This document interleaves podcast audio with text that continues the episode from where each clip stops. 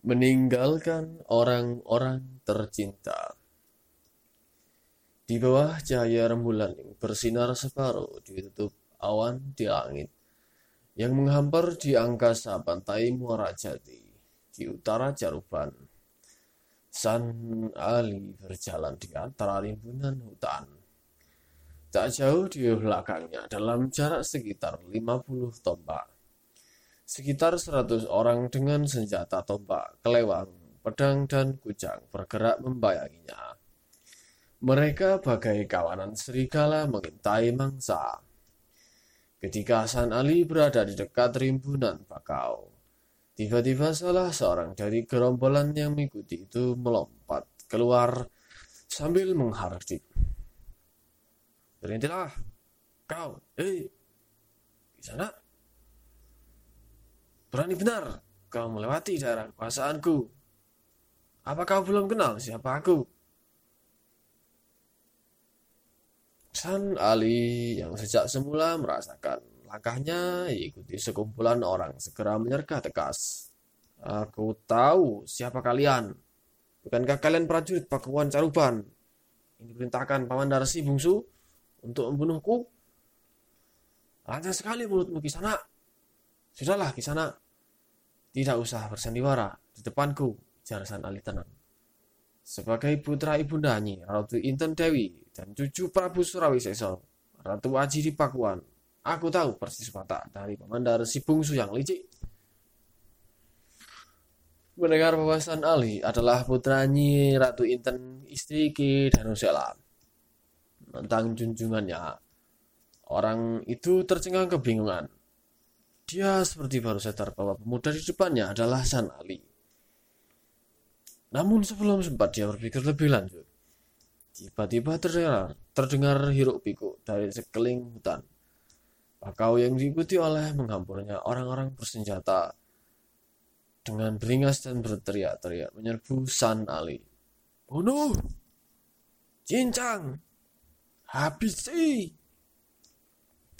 Bagaikan kawanan serigala menyerang seekor domba, begitulah gerombolan bersenjata itu menyerbu dengan beringas. Namun sebagai santri yang bertahun-tahun dilatih pencak silat dan berbagai ilmu kanuragan, San Ali tidak gentar menghadapi serangan itu.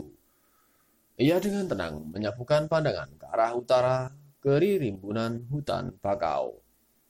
Dengan gerakan seolah melarikan diri dari lawan, ia melompat dan lari dengan cepat meninggalkan orang-orang yang memburunya. Dengan berlari cepat, San Ali telah membagi kekuatan lawan sedemikian rupa. Hanya mereka yang kuat tenaga dan cepat larinya yang bisa mendekatinya. Siasat San Ali mengena. Para pemburu beriringan mengejarnya. Ketika ada yang berhasil mendekat serta merta ia memperlambat laju larinya. Saat jarak mereka tinggal satu tombak, tiba-tiba ia berbalik sambil menyabetkan kakinya ke bawah dengan gerakan setengah lingkaran. Bluk. Sabetan kaki San Ali dengan telak menghantam kaki lawan. Tanpa ampun lagi, lawan yang terserimpung kakinya itu tumbang ke atas tanah. San Ali cepat bergerak lagi menjauh. Pada saat berurutan, para pemburu yang berlari cepat di belakang tak sempat menghentikan langkah saat mengetahui kawan di depannya tersungkur mendadak. Orang-orang yang berlomba memburu San Ali bergantian jatuh karena tersandung tubuh kawannya yang tersungkur lebih dulu. Disertai sumpah serapah mereka bertumpang tindih itu memaki-maki San Ali dengan penuh amarah. Namun sebelum mereka berbuat sesuatu, tiba-tiba San Ali melompat ke arah mereka. Kemudian dengan pukulan dan tendangan yang mantap, satu demi satu pemburu yang bergelimpangan itu dihajarnya. Gerak cepat San Ali dalam melumpuhkan lawan itu tidak berlangsung lama karena pemburu lain sudah dekat jaraknya. Dengan secepat kijang, San Ali melompat dan mengambil langkah seribu meninggalkan kawan lawan-lawan yang terus mengejar. Tadinya ia sempat meragukan kemampuannya untuk mengalahkan lawan yang berjumlah sekitar 100 orang. Namun dengan keyakinan bahwa Allah akan senantiasa menolong hambanya. Ia terus berusaha melumpuhkan lawan dengan cara menginjak, mengajak lari berputar-putar di sekitar pepohonan bakau. Lawan yang jaraknya dekat langsung dihantam dan ditinggal lagi. Begitu seterusnya. Taktik lari dan pukul itu membuat tenaganya terkuras. Sementara lawan-lawannya meski kelihatan letih dan babak belur, jumlah mereka tak berkurang. Bahkan seperti tak ada habis-habisnya. Saat Sanali benar-benar kewalahan menghadapi serangan lawan, sambil mengamuk dengan gerakan-gerakan yang mulai kurang terarah. Ia mengeluh dan memasrahkan hidupnya kepada aku semesta yang diyakini sebagai aku pribadinya. Ya Allah, jika engkau menghendaki aku kembali kepadamu sekarang, kupasrahkan akuku untuk kembali kepada akumu. Mendadak terdengar pekikan takbir yang diteriakkan puluhan orang. Di antara pekikan itu terdengar dentam kaki kuda menghentak-hentak bumi yang diselingi jerit kesakitan dan pekik kematian di sana sini. San Ali tercengang. Ia seperti bermimpi ketika menyaksikan puluhan orang berpakaian serba putih dengan menunggang kuda menyabetkan pedang ke kanan dan ke kiri. Dalam tempo singkat, puluhan mayat bertumpuk-tumpuk di sekitarnya. Sekumpulan orang yang sedang mengepung dirinya tiba-tiba berhenti bergerak dan mendongak dengan wajah pucat. Kemudian bagaikan di komando, para pengeroyok itu berhamburan ke arah utara menyelamatkan diri. Setelah suasana terkendali, Barulah San Ali mengetahui bahwa di antara penunggang kuda itu terdapat ayahanda asuhnya, Ki Samadullah. Rupanya, sejak berita kematian Ki Danusela sampai ke Pakuan, Ki Samadullah menangkap gelagat kurang beres dari perilaku Resi Bungsu. Dengan dalih menyusul Ki Danusela ke hutan Kawali, diam-diam dia membawa sekitar 30 prajurit berkuda Pakuan Caruban alih-alih ke hutan Kawali. Sebenarnya Ki Samadullah bersembunyi di kawasan Gunung Sembung tak jauh dari padepokan kiri Amparan Jati. Dari sanalah dia memantau perkembangan Pakuan yang sudah dikuasai oleh Harsi Bungsu. Dari tempat persembunyiannya, Ki Samadullah mengirim utusan ke Kadipaten Demak untuk melapor Adipati Demak Arya Sumang sang tentang nasib saudara tirinya Ki Danusela. Arya Sumang sang kelak menjadi penguasa Demak dengan gelar Abdul Patah Surya Alam Saidin Panatagama. Kemudian mengirim adik tirinya seibu yang bernama Raden Kusen dengan membawa sekitar 200 prajurit Demak ke Caruban. Raden Kusen yang ibundanya seorang Cina Muslim itu dengan mudah menyusup ke pelabuhan Muara Jati melalui jasa saudagar-saudagar Cina. Tanpa menemui kesulitan, Raden Kusen dan pasukannya berhasil masuk hingga Gunung Sembung. Malam itu di bawah bayangan rembulan yang bersinar separuh, San Ali melihat Ki Samadullah menunggang kuda coklat. Di sampingnya seorang lelaki berwibawa duduk di atas punggung kuda hitam perkasa. Kilatan matanya tajam menyiratkan kecerdasan, keberanian, dan keteguhan jiwa. Usianya sekitar 35 tahun, sedikit lebih tua dari San Ali, namun kelihatan matang. Begitu melihat anak asuh kesayangannya selamat tak kurang suatu apa, Ki Samadullah segera melompat turun dengan mata berkaca-kaca, diliputi keharuan, dia langsung mendekati San Ali dan mendekapnya erat-erat. Alhamdulillah, desak Ki Samadullah dengan air mata bercucuran. Engkau tak kurang suatu apa pun anakku, Aku yakin sekali Gusti Allah tidak akan membiarkan orang-orang yang dikasihinya celaka. Pamanda Samadullah, sekali menarik nafas berat. Ke mana saja paman selama ini? Aku mencarimu di Pakuan, namun tak ada yang tahu. Aku sengaja bersembunyi di Gunung Sembung, anakku. Aku mendapat firasat tidak baik berkenaan dengan paman Mursi Bungsu Segera setelah aku beroleh berita bahwa ayahandamu meninggal akibat diserang harimau di hutan Kawali. Karena itu, tanpa sepengetahuan Resi Bungsu, aku membawa 30 prajurit keluar Pakubuan untuk bersembunyi dengan harapan rentangan waktu akan membongkar kebusukan Resi Bungsu. Dan sekarang paman yakin bahwa paman Darsi Bungsulah yang merancang semua bencana yang menimpa Pakuan Canuban ini. Kenyataan menunjukkan demikian, sahut Ki Samudullah geram. Lantaran itu aku segera mengirim kurir ke Kadipaten Demak untuk melaporkan kejadian di Pakuan kepada Sang Adipati yang tak lain adalah saudara ayahandamu. Ia kemudian mengirim adiknya Raden Kusen untuk membalas kematian ayahandamu dan menghukum Resi Bungsu. Jadi, beliau inilah Raden Kusen, saudara ayahandamu. Ki Samadullah menunjuk penunggang kuda hitam ke arah lelaki yang penuh wibawa itu. Salam takzim, Pamanda. San Ali menyalami dan mencium tangan lelaki itu. Engkaukah San Ali, putra Rakanda dan Usela? Tanya Raden Kusen. Benar, Paman. Raden Kusen menatap mata Sang Ali soleh. Hendak mengukur kekuatan jiwa putra saudara tirinya itu. Seperti mengukur benda, ia menyapukan pandangannya ke San Ali dari ujung kaki hingga ujung rambut. Sejenak sesudah itu, ia menepuk-nepuk bahu San Ali sambil berkata, Sebagai bahan dasar, mutumu sangat unggul oh putra saudaraku. Namun, untuk menjadi pusaka dahsyat, engkau masih perlu ditempa lebih keras lagi. Terima kasih, Paman, kata San Ali penuh hormat. Raden Kusen membisikkan sesuatu telinga Ki Samadullah. Sesaat kemudian Ki Samadullah mengajak San Ali meninggalkan lokasi. Paman, sergah San Ali. Tahukah Paman akan nasib ibuku? Oh, anakku, tambatan kesayanganku, kata Ki Samadullah mengelus-elus rambut San Ali. Sungguh malang nasibmu.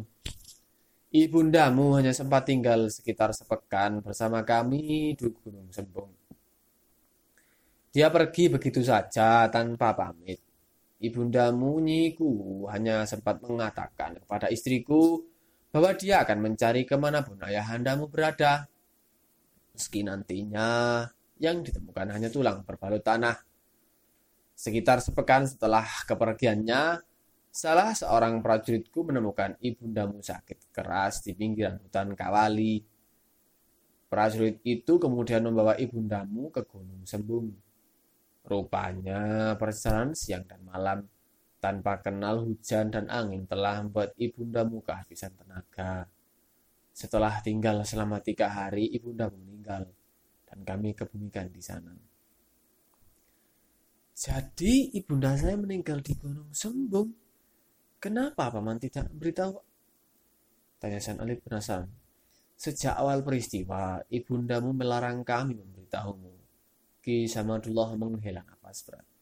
Kami semua tidak tahu alasan apa yang membuat Nyiku melarang kami. Kami hanya tahu bahwa ia adalah putri Prabu Surawiseso, Ratu Aji Pakuan, segala perintahnya harus dipatuhi. Astagfirullah, desah San Ali Tanpa terasa dari kelopak matanya mengalir air bening. Terbayang dilibatan kenangannya, belayan kasih yang ia dapatkan dari ibundanya. Betapa sabar dan penuh kasih ibundanya itu sehingga belum pernah San Ali menyaksikan marah atau bermasa muka. Bahkan andai kata benar pernyataan Resi Bungsu bahwa perempuan itu bukan ibunda kandungnya, Tetaplah ia mencintai dan menghormatinya sepenuh jiwa. Karena sejak kecil yang ia kenal sebagai ibunda hanyalah Nyiku Ratu Inten Dewi. Melihat anak asuh yang dikasihnya tenggelam dalam kesedihan, Ki Samadullah merasakan hatinya pedih bagai mengalirkan darah. Selama ini setiap mengunjungi San Ali senantiasa yang dijumpainya adalah senyum dan tawa bahagia. Ketika mendampingi berkeliling desa dan keluar masuk hutan pun dia senantiasa mendapati keceriaan mengitari kehidupan anak asuhnya itu. Kini baru beberapa hari meninggalkan pada pekan anak itu telah terseret ke dalam lingkaran nasib memilukan sebagaimana pernah diramalkan Syed atau Kahfi. Suasana hening lingkupi telatah muara jati. San Ali diam. Ki Samadullah diam. Raden Kusen diam. Semua diam. Hanya angin dingin bertiup menebarkan bau anir darah yang mulai mengering di tanah. Setelah lama, suasana hening itu berlangsung. Raden Kuseng dengan suara penuh wibawa berkata, Sekaranglah waktu yang paling tepat untuk menjatuhkan hukuman bagi Resi Bungsu.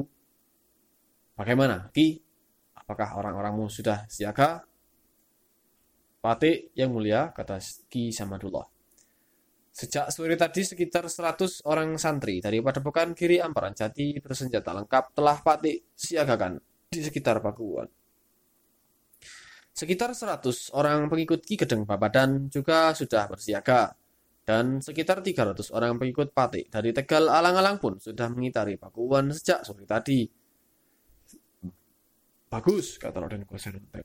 Bagaimana dengan berita kehadiran pasukan Pajajaran yang akan mendukung kekuasaan Resi Bungsu? Patik yang mulia, kata Ki Samudullah. Berita dari Telik Sandi yang Patik kirim menyatakan bahwa Resi Bungsu memang minta bantuan ke Pakuan. Patik dengar Maharaja Pakuan Prabu Ratu Dewata mengirimkan seribu prajurit di bawah pimpinan perwira bernama Terong Peot. Berarti kita harus secepatnya menyerang Pakuan sebelum bala bantuan itu datang. Kalau sampai pasukan dari Pakuan datang, Engkau bisa membayangkan bagaimana nasib Pakuan Caruban ini. Berita yang kuperoleh dari pedagang-pedagang Cina yang berniaga di pelabuhan Kalapa mengatakan Risi Bungsu sengaja membuat laporan palsu bahwa kematian Kuwu Caruban akibat dibunuh oleh orang-orang Islam atas suruhan Guru Agung Syekh Datuk Kahfi. Resi Bungsu memutar balik kenyataan dia menyebarkan berita bahwa kematian Kuwu Jaruban dilatari maksud jahat orang-orang Islam yang ingin merebut kekuasaan dari orang-orang Pajajaran yang beragama Hindu-Buddha. Raden Kusen memberi penjelasan. Sejahat itukah laporan Pamandak Bungsu kepada Uak Prabu Ratu Dewata? San Ali menyergah bagai tak percaya. Anakku, San Ali, Ki Samadullah menepuk-nepuk bahu San Ali. Engkau belum mengerti pahit dan ketir kehidupan dunia. Engkau juga belum mengenal asinnya garam dan masamnya asam kekuasaan dunia. Namun jika engkau ingin tahu, demikianlah perilaku orang-orang yang mabuk kekuasaan. Ya Allah, tujuan utama hidupku. Desah Sanali seolah kepada dirinya sendiri. Jauhkanlah hamba dari kejahatan nista seperti itu. Jangan engkau palingkan hasrat hatiku kepada selain engkau. Semoga doa dan harapanmu terkabul, oh anakku, kata Ki Samadullah menarik napas dalam-dalam. Sungguh mulia tujuan hidup yang hendak engkau raih.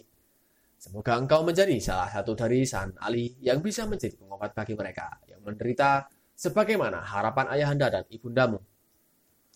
Jika demikian, Paman, sergah Hasan Ali cepat. Marilah kita berangkat sekarang juga ke Pakuan.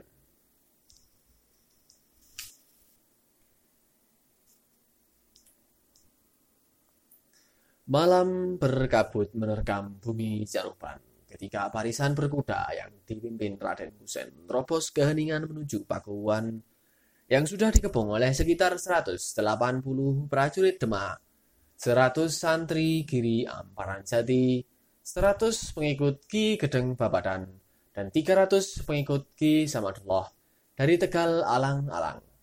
Tak sedikit pun suara keluar dari rombongan berkuda itu kecuali detak-detak ladam yang menghantam tanah berbatu.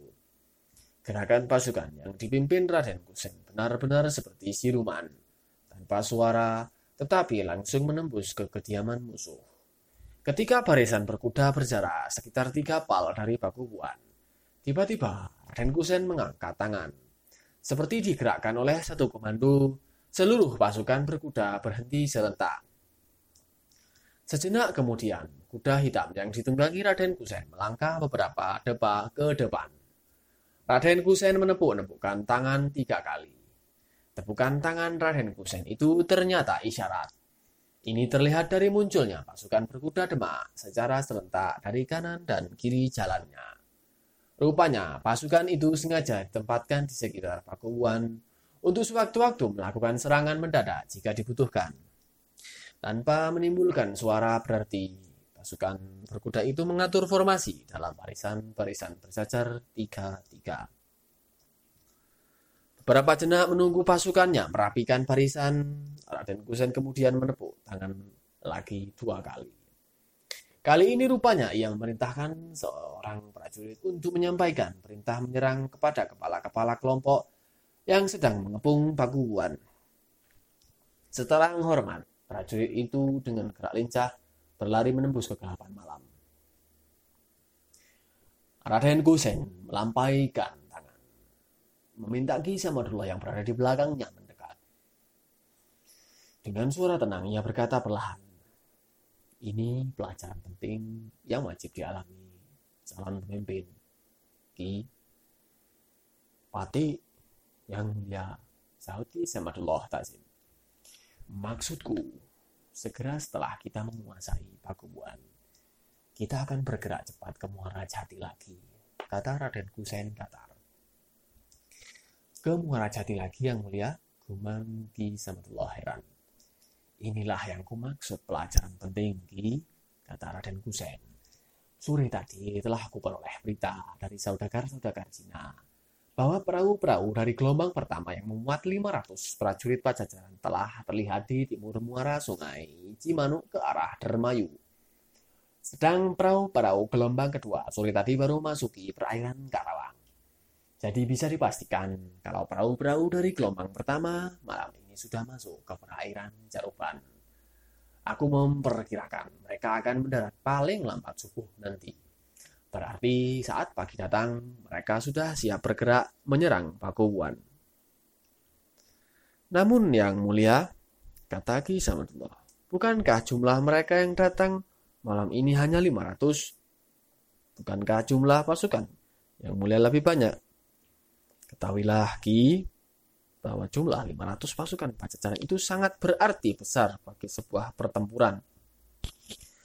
Sebab jumlah 500 itu adalah prajurit terlatih, sedang jumlah 700 yang kita miliki hanya 200 dari Demak yang benar-benar terlatih. Sisanya adalah orang-orang yang hanya memiliki keterampilan pencak silat seadanya termasuk santri dari kiri Amparan Jati. Jadi, Ki, dalam sebuah perangan jangan sekali-kali menilai lawan hanya dari segi jumlah. Ini pelajaran penting. Pati, paham, yang mulia. Hening malam tiba-tiba dipecahkan oleh pekikan dan jeritan serta gemerincing senjata beradu di kejauhan. Pertempuran tampaknya sedang berlangsung di Pakubuan. San, Ali, dan para prajurit Penunggang kuda tampak gelisah menunggu perintah menyerang dari Raden Kusen. Namun Raden Kusen kelihatan tenang dan berkeming mendengar hiruk pikuk pertempuran di kejauhan. Dicekam kegelisahan dan bayang-bayang serunya pertempuran. San Ali tak tahan lagi. Ia membayangkan nasib kawan-kawannya para santri ketika menghadapi prajurit-prajurit Pakuan yang terlatih. Ia membayangkan betapa korban akan berjatuhan di pihak penyerbu setelah beberapa jenah dicekam kegelisahan, ia mendekati Raden Kusen dan bertanya, Kenapa kita tidak membantu mereka yang bertempur di sana, Paman? Kita belum mendapat laporan dari medan laga, sahut Raden Kusen singkat. Laporan dari medan laga, San Ali heran. Lihat obor itu. Raden Kusen menunjuk menyala obor yang diayun-ayun di kejauhan. Itu laporan dari prajurit tadi bahwa pertempuran sedang berjalan imbang. Karena itu sekaranglah waktu yang tepat bagi kita untuk menyerang agar lawan terkejut. Saya paham, Paman. Hasan Ali berdejak kagum. Agar lawan mengira jumlah kita banyak, maka setiap prajurit akan menyalakan dua obor. Kita akan menyerbu dari kegelapan dengan suara hikuk-pikuk dan obor yang digoyang-goyang, kata Raden Husen. Raden Kusen mengangkat tangan kanan. Obor-obor secara berurutan menyala. Dalam waktu singkat, keadaan sekitar menjadi terang benderang. Raden Kusen mendadak meneriakkan takbir dengan suara menggelegar bagai guntur. Sedetik sesudah itu, ia memacu kudanya. Para prajurit di belakangnya buru-buru mengikuti. Bagaikan naga bertubuh api yang merayap di kegelapan malam. Begitulah pasukan berkuda yang membawa obor itu bergerak ke arah Pakuan. Ketika jarak barisan berkuda yang dipimpin Raden Kusen dengan Pakuwon tinggal satu pal, serta merta mereka berteriak-teriak mengumandangkan takbir ganti berganti dan sahut menyahut. Kemudian, bagaikan luapan air bah, pasukan berkuda itu menerjang, menerjang ke arah gerbang Pakuwon, tempat para penyerbu dan prajurit Pakuwon sedang bertempur. Kegentaran segera meluas di kalangan prajurit Pakuan ketika menyaksikan beratus-ratus cahaya obor berayun di kejauhan. Kegentaran makin memuncak manakala terdengar pekikan takbir yang makin mendekati gerbang. Dan puncak kegentaran itu berubah menjadi kepanikan manakala mereka menyaksikan para pembawa obor itu adalah pasukan berkuda yang dipastikan merupakan bagian dari kekuatan penyerbu. Demikianlah, tanpa dapat dikendalikan lagi, prajurit Pakuan berhamburan melarikan diri Begitu mendengar detak-detak ladam menggempa bumi.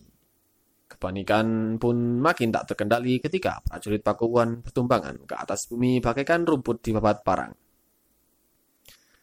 Barisan berkuda yang datang bagaikan air bah terus maju tak memedulikan apa pun. Barang siapa menghalangi akan diinjak. Para penyerbu gabungan dari Padepokan Kiri Amparan Jati, Pakupu, Pakuan, Babadan, dan Tegal alang-alang yang melihat kedatangan bala bantuan segera menyibak memberi jalan. Pasukan berkuda pimpinan Raden Kusen dengan leluasa menerobos ke dalam pakubuan. Dengan cambuk ekor ikan pari, pedang, tombak, dan panah mereka membinasakan prajurit pakubuan.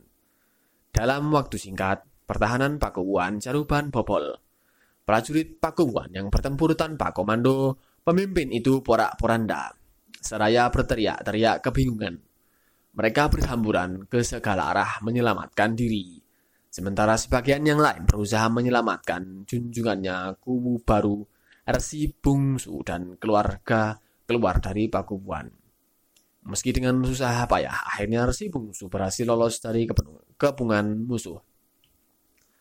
Malam itu, Resi Bungsu beserta keluarga dan sedikit prajurit menerobos kegelapan melewati lereng Gunung Ciremai menuju Kadipaten Galuh.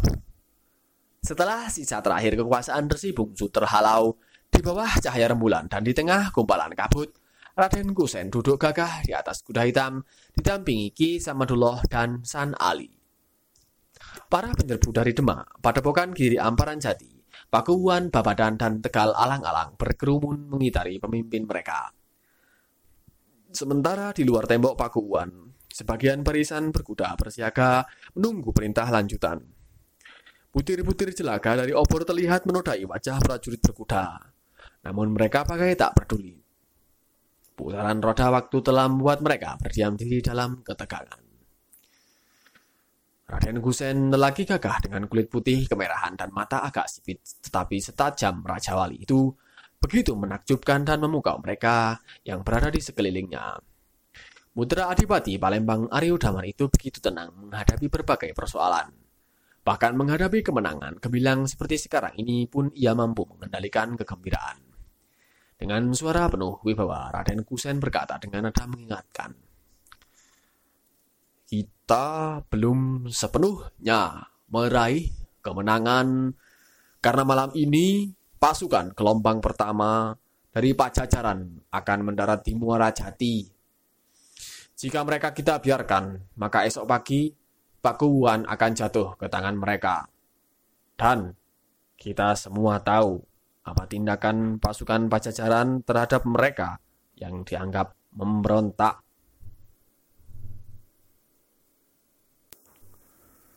Suara-suara segera menggema. Raden Kusen dengan tenang mengamati reaksi ucapannya terhadap orang-orang itu, terutama kepada Gi Samadullah dan San Ali. Hiruk pikuk itu makin gaduh. Namun secara pasti menunjuk pada maksud yang sama, bahwa malam itu juga mereka semua harus ke Muara Jati untuk menghadang pasukan Pajajaran. Daripada dibunuh, lebih baik membunuh. Pekikan takbir pun mengumandang sahut menyaut sebagai tanda kebulatan tekad mereka untuk menyambut kedatangan lawan. Malam itu, setelah menyisakan sekitar 50 orang untuk menjaga Pakuwan, Raden Kusen didampingi Ki Samadullah dan San Ali. Menuju Muara Jati diikuti barisan berkuda. Para santri padepokan, pengikut Ki Gedeng Babadan, dan pengikut Ki Samadullah dari Tegal Alang-Alang. Rombongan bergerak cepat, menembus kabut malam yang mulai menutupi permukaan bumi Caruban. Perhitungan Raden Kusen bahwa perahu-perahu pasukan Pajajaran gelombang pertama akan mendarat menjelang subuh ternyata terbukti. Ketika barisan yang dipimpinnya sampai di Muara Jati. Di kerambangan laut sudah terlihat bayangan hitam dari sekitar 30 perahu yang bergerak diam-diam mendekati pantai. Tanpa menunggu waktu, Raden Kusen segera bertindak cepat dengan memerintahkan pasukan panah yang berjumlah sekitar 50 untuk berbaris memanjang sejajar pantai. Tugas utama mereka adalah menembaki prajurit pajajaran yang akan mendarat. Sementara 50 pasukan tombak disiagakan di lapis kedua. Di belakang pasukan panah. Di lapis ketiga, disiagakan pasukan pedang, cambuk, dan kujang. Barisan berkuda justru ditempatkan paling belakang. Perahu-perahu besar berisi prajurit pajajaran mendekati pantai Muara Jati. Seirama dengan deburan ombak yang membentur lambung perahu yang mulai menyentuh pasir. Berlompatanlah para prajurit ke dalam air yang setinggi lutut. Kemudian bagai siluman, mereka bergerak menepi. Mereka tidak sadar bahwa di sepanjang pantai telah menunggu para penebar maut.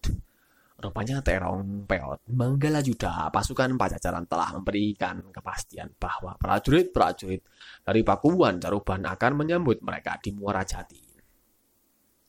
Saat prajurit-prajurit Pajajaran berada di dalam jarak sekitar 10 tombak dari pantai, Tiba-tiba terdengar peki takbir dikumandangkan oleh Raden Gusen. Dari atas kudanya, ia mengancungkan pedang ke arah laut. Bagaikan semburan air hujan, begitulah puluhan anak panah melesat dengan kecepatan kilat dari pusur prajurit Demak. Prajurit pajajaran yang tak menduga bakal diserang mendadak terkejut luar biasa begitu mendengar pekikan takbir. Sebagai prajurit terlatih, mereka buru-buru berbalik arah. Namun kecepatan mereka di air tak sekesit di darat. Sebagian di antara mereka, sekitar 30 orang yang berada pada posisi paling depan, langsung bertumbangan ketika anak panah menghujam perut, dada, bahu, leher, dan bahkan mata. Jerit kesakitan pun mengumandang bersaut-sautan. Sungguh sangat memilukan. Luka akibat panah itu sangat sangit karena terkena asin air laut. Ketika prajurit Pajajaran panik dan berlarian di perairan Muara Jati, Raden Kusen memberikan komando lanjutan dengan pegikan takbir dan isyarat pedang. Kali ini pasukan lapis kedua berlari cepat ke arah laut. Saat jarak lari mereka dari pantai sekitar lima tombak, serta merta mereka melemparkan tombak ke arah prajurit Pajajaran. Sejenak sesudah itu mereka membalikkan badan dan kembali ke posisinya semula di belakang pasukan tanah. Panah Hujan tombak di kegelapan malam itu dalam tempo singkat menambah jumlah korban di pihak lawan. Dengan cepat tubuh sebagian mereka yang turun ke laut terlihat mengapung menjadi mayat dengan tikaman panah dan tombak. Sementara itu prajurit-prajurit lain yang masih di atas perahu enggan turun. Kepanikan makin meningkat manakala dari tepi pantai terlihat beribu-ribu obor dinyalakan. Manggala Yuda, Pajajaran cepat mengambil kesimpulan bahwa pasukannya telah masuk ke dalam perangkap musuh. Untuk menghindari korban lebih besar, dia memerintahkan prajuritnya naik kembali ke atas perahu. Menjelang subuh itu, perahu-perahu Pajajaran kembali bertolak ke tengah laut. Mereka meninggalkan beberapa puluh mayat yang mengapung di permukaan laut dipermainkan gelombang. Menjelang subuh, Raden Kusen didampingi Ki Samadullah dan San Ali beserta seluruh prajurit dengan penuh kegembiraan kembali ke Pakuan. Sebenarnya saat tiba di Pandapa, Pakuan, Ki Samadullah akan langsung mengumumkan bahwa yang menjadi kubu di Cerupan adalah San Ali putra Ki Danusela. Namun di sepanjang perjalanan San Ali yang sudah menangkap keinginan Bapak Asuh yang sangat mencintainya itu dengan tegas menyatakan penolakannya. Penolakan San Ali tentu saja mengucapkan Ki Samadullah. Jika Pamanda menyayangi saya setulus hati, Tentu Bang Anda bisa memahami bahwa tujuan utama saya bukanlah kekuasaan duniawi. Karena itu, jika Pamanda memaksa saya menduduki kursi kubu Saruban, berarti Pamanda telah memberikan beban yang sangat berat yang sangat mungkin tidak mampu saya pikul, kata San Ali. Jika engkau menolak jabatan kubu, kata Kisamudullah, lantas siapa yang akan menggantikan kedudukan ayahandamu? Saya sudah menyaksikan betapa hebat Pamandara dan Kusen mengatasi masalah sebesar ini. Karena itu tidak salah jika saya Pamandara dan Kusen yang cocok menggantikan kedudukan Ayahanda Danusela. Saya kira Pamanda Raden Gusen akan mendapat dukungan dari kerajaan Galuh melalui Pamanda Samadullah. Saya yakin Pamanda Samadullah dapat memberikan dukungan kepada beliau. Sebab ditinjau dari segi nasab, hubungan Pamanda dan kerabat kerajaan Galuh sangat dekat. Anakku, sahut Ki Samadullah memegang bausan Ali. Apakah dengan ini engkau akan meninggalkan aku? Apakah engkau akan melaksanakan tekadmu berkelana mencari hakikat sejati aku? Maafkan saya, Paman. San Ali menguatkan hati. Saya sudah membulatkan tekad untuk mencari hakikat sejati aku sebagaimana hal itu pernah saya ungkapkan kepada guru agung Sekeluar saya dari padepokan, makin kuatlah tekad saya untuk melaksanakan impian saya. Semoga Allah senantiasa merahmati dan melindungimu, nak. Titik air bening mulai terlihat di sudut mata Ki Samadullah. Paman, saya mengucapkan terima kasih yang tak terhingga kepadamu yang telah begitu tulus mencintai manusia sebatang kara seperti saya. San Ali berkata lirih. Kenapa engkau berkata begitu, nak? Saya lahir dalam keadaan yatim. Ketika bayi, saya sudah yatim piatu. Hanya berkat budi baik ayahanda dan ibunda, pamanda dan bibi, saya bisa menjadi seperti sekarang ini. Siapa yang menceritakan hal dirimu itu, nak? I Samadullah penasaran. Pamandar si bungsu, kata San Ali. Dan ia benar, bukan? Ki Samadullah menunduk. Butiran air bening jatuh dari kelopak matanya. Saya tahu Pamanda, Bibi, Ayahanda, Ibunda, dan Guru Agung menyimpan rahasia ini agar saya tidak sedih dan merasa sebatang karya di dunia. Namun Pamanda, dengan terbukanya kenyataan ini, makin kuatlah keinginan saya mengejar impian. Sebab menyadari kesebangtangkaraan saya, maka saya makin mudah melepaskan segala sesuatu selain dia yang saya tuju. Sepanjang perjalanan, akhirnya Ki Samadullah tidak berkata-kata lagi. Dia tenggelam dalam kepedihan. Sungguh jauh di dalam lubuk jiwanya ingin sekali ia mengantarkan ke mana pun San Ali pergi. Namun keinginan aneh anak asuknya yang tak lazim mencari hakikat sejati dia, yang tak terpikir dan tak terbayang, adalah kemustahilan yang sulit dipahami. Ah, Betapa aneh garis kehidupan anak itu. Lahir ke dunia sebagai yatim piatu dan didewasakan di lingkungan padepokan yang penuh keprihatinan. Kini setelah dewasa, akan mengembara dengan tujuan melepas kepentingan dunia untuk menuju aku yang tak tergambarkan keberadaannya. Segala pembicaraan kisah Madeloh dengan San Ali didengarkan dengan cermat oleh Raden Gusen. Ketika mereka tiba di Pakubuan, segera dibuat keputusan bahwa Kekuasaan kubu Caruban dipercayakan kepada Ki Samadullah. Sebab selain masih keturunan Raja Galuh, dia dianggap paling berpengalaman menjadi pejabat pangraksa bumi, membantu tugas-tugas Ki Danusela. Untuk mengamankan Pakuan 200 prajurit Demak tetap disiagakan demi membentengi Pakuan dari serangan Pajajaran atau gerakan subversi pengikut Risi Bungsu. Bahkan Raden Kusen dengan penuh keberanian membuat keputusan bahwa Pakuan Caruban bukan lagi menjadi wilayah Pajajaran, melainkan bagian wilayah Kadipaten Demak.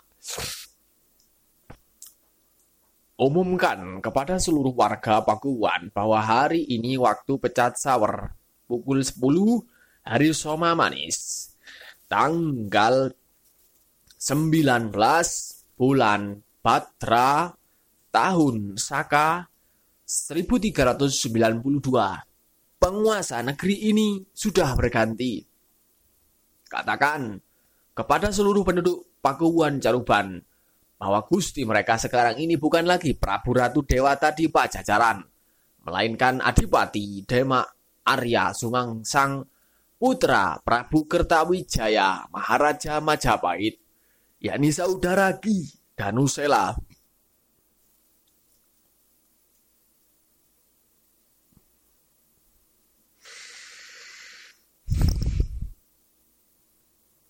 San Ali menghadap Syekh Datuk Kahfi untuk berpamitan.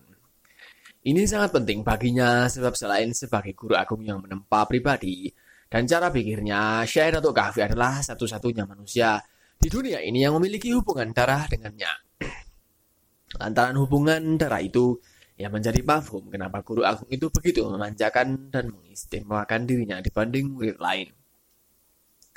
Di hadapan Syekh Datuk Kahfi yang diketahuinya sebagai adik sepupu ayah anda kandungnya, San Ali tidak mampu menyampaikan sesuatu kecuali menundukkan kepala memandangi ayam tikar yang tergelar di bawahnya. Ia merasakan dadanya kosong, hampa, entah apa yang terjadi. Ia hanya merasakan bahwa niatnya yang kuat untuk mengembara mencari aku telah menimbulkan beban berat di hatinya untuk berpisah dengan orang-orang yang dicintainya. Terutama Syekh Datuk Kahfi dan istrinya. Mereka selama bertahun-tahun telah mengasuh, membimbing, dan memberikan kasih sayang seperti orang tua kepada anak. Kepersatuan adalah kebahagiaan, perpisahan adalah kepedihan. Syekh Datuk Kahfi kelihatan sulit menyembunyikan kepedihan yang mengharu biru hatinya. Namun sebagai seorang guru agung yang menjadi teladan bagi para murid, dia harus berjuang keras mengalahkan kepedihan jiwanya.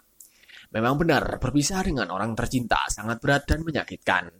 Namun keharusan berpisah dengan segala sesuatu selain dia adalah tuntunan mutlak. Itu sebabnya dengan hati berat dia menasihati kemenakannya. Pergilah engkau mengikuti tuntunan jiwamu, oh anakku terkasih. Sebab hanya dia yang berjuang keras menuju dia, yang akan sampai ke dia, Segala apa yang kau alami selama ini adalah bagian dari perjalanan yang mesti engkau lewati. Tinggalkan segala sesuatu yang ada pada dirimu hingga tak bersisa kecuali keyakinanmu terhadap dia. Hamba akan jadikan nasihat guru agung sebagai azimat, kata San Ali Takzim. Namun bolehkah hamba bertanya sesuatu tentang hamba? Bertanyalah, oh anakku, benarkah leluhur hamba berasal dari negeri Malaka? Tanya San Ali tegas. Sepengetahuanku memang begitu, anakku. Jawab Syekh Datuk Kahfi. Barang satu abad lalu, leluhur kita bertempat di tanah semenanjung. Mereka datang dari negeri Gujarat. Menurut cerita ayah anakku, Syekh Datuk Ahmad, leluhur kita adalah bangsawan dan ulama di Gujarat. Kakekku Syekh Datuk Isa adalah leluhur yang tinggal di Malaka.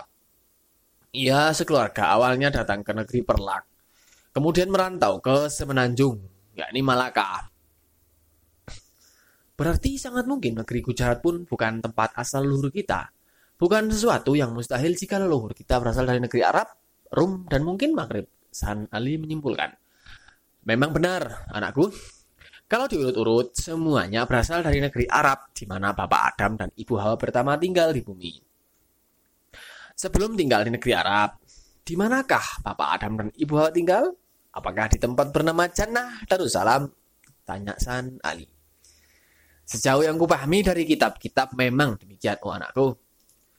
Jika begitu, oh guru agung, hamba mohon pamit secepatnya, karena hamba memiliki pandangan bahwa mencari dia haruslah mencari rangkaian kalur di mana dia menempatkan manusia pertama ciptaannya di muka bumi, kata San Ali tegas.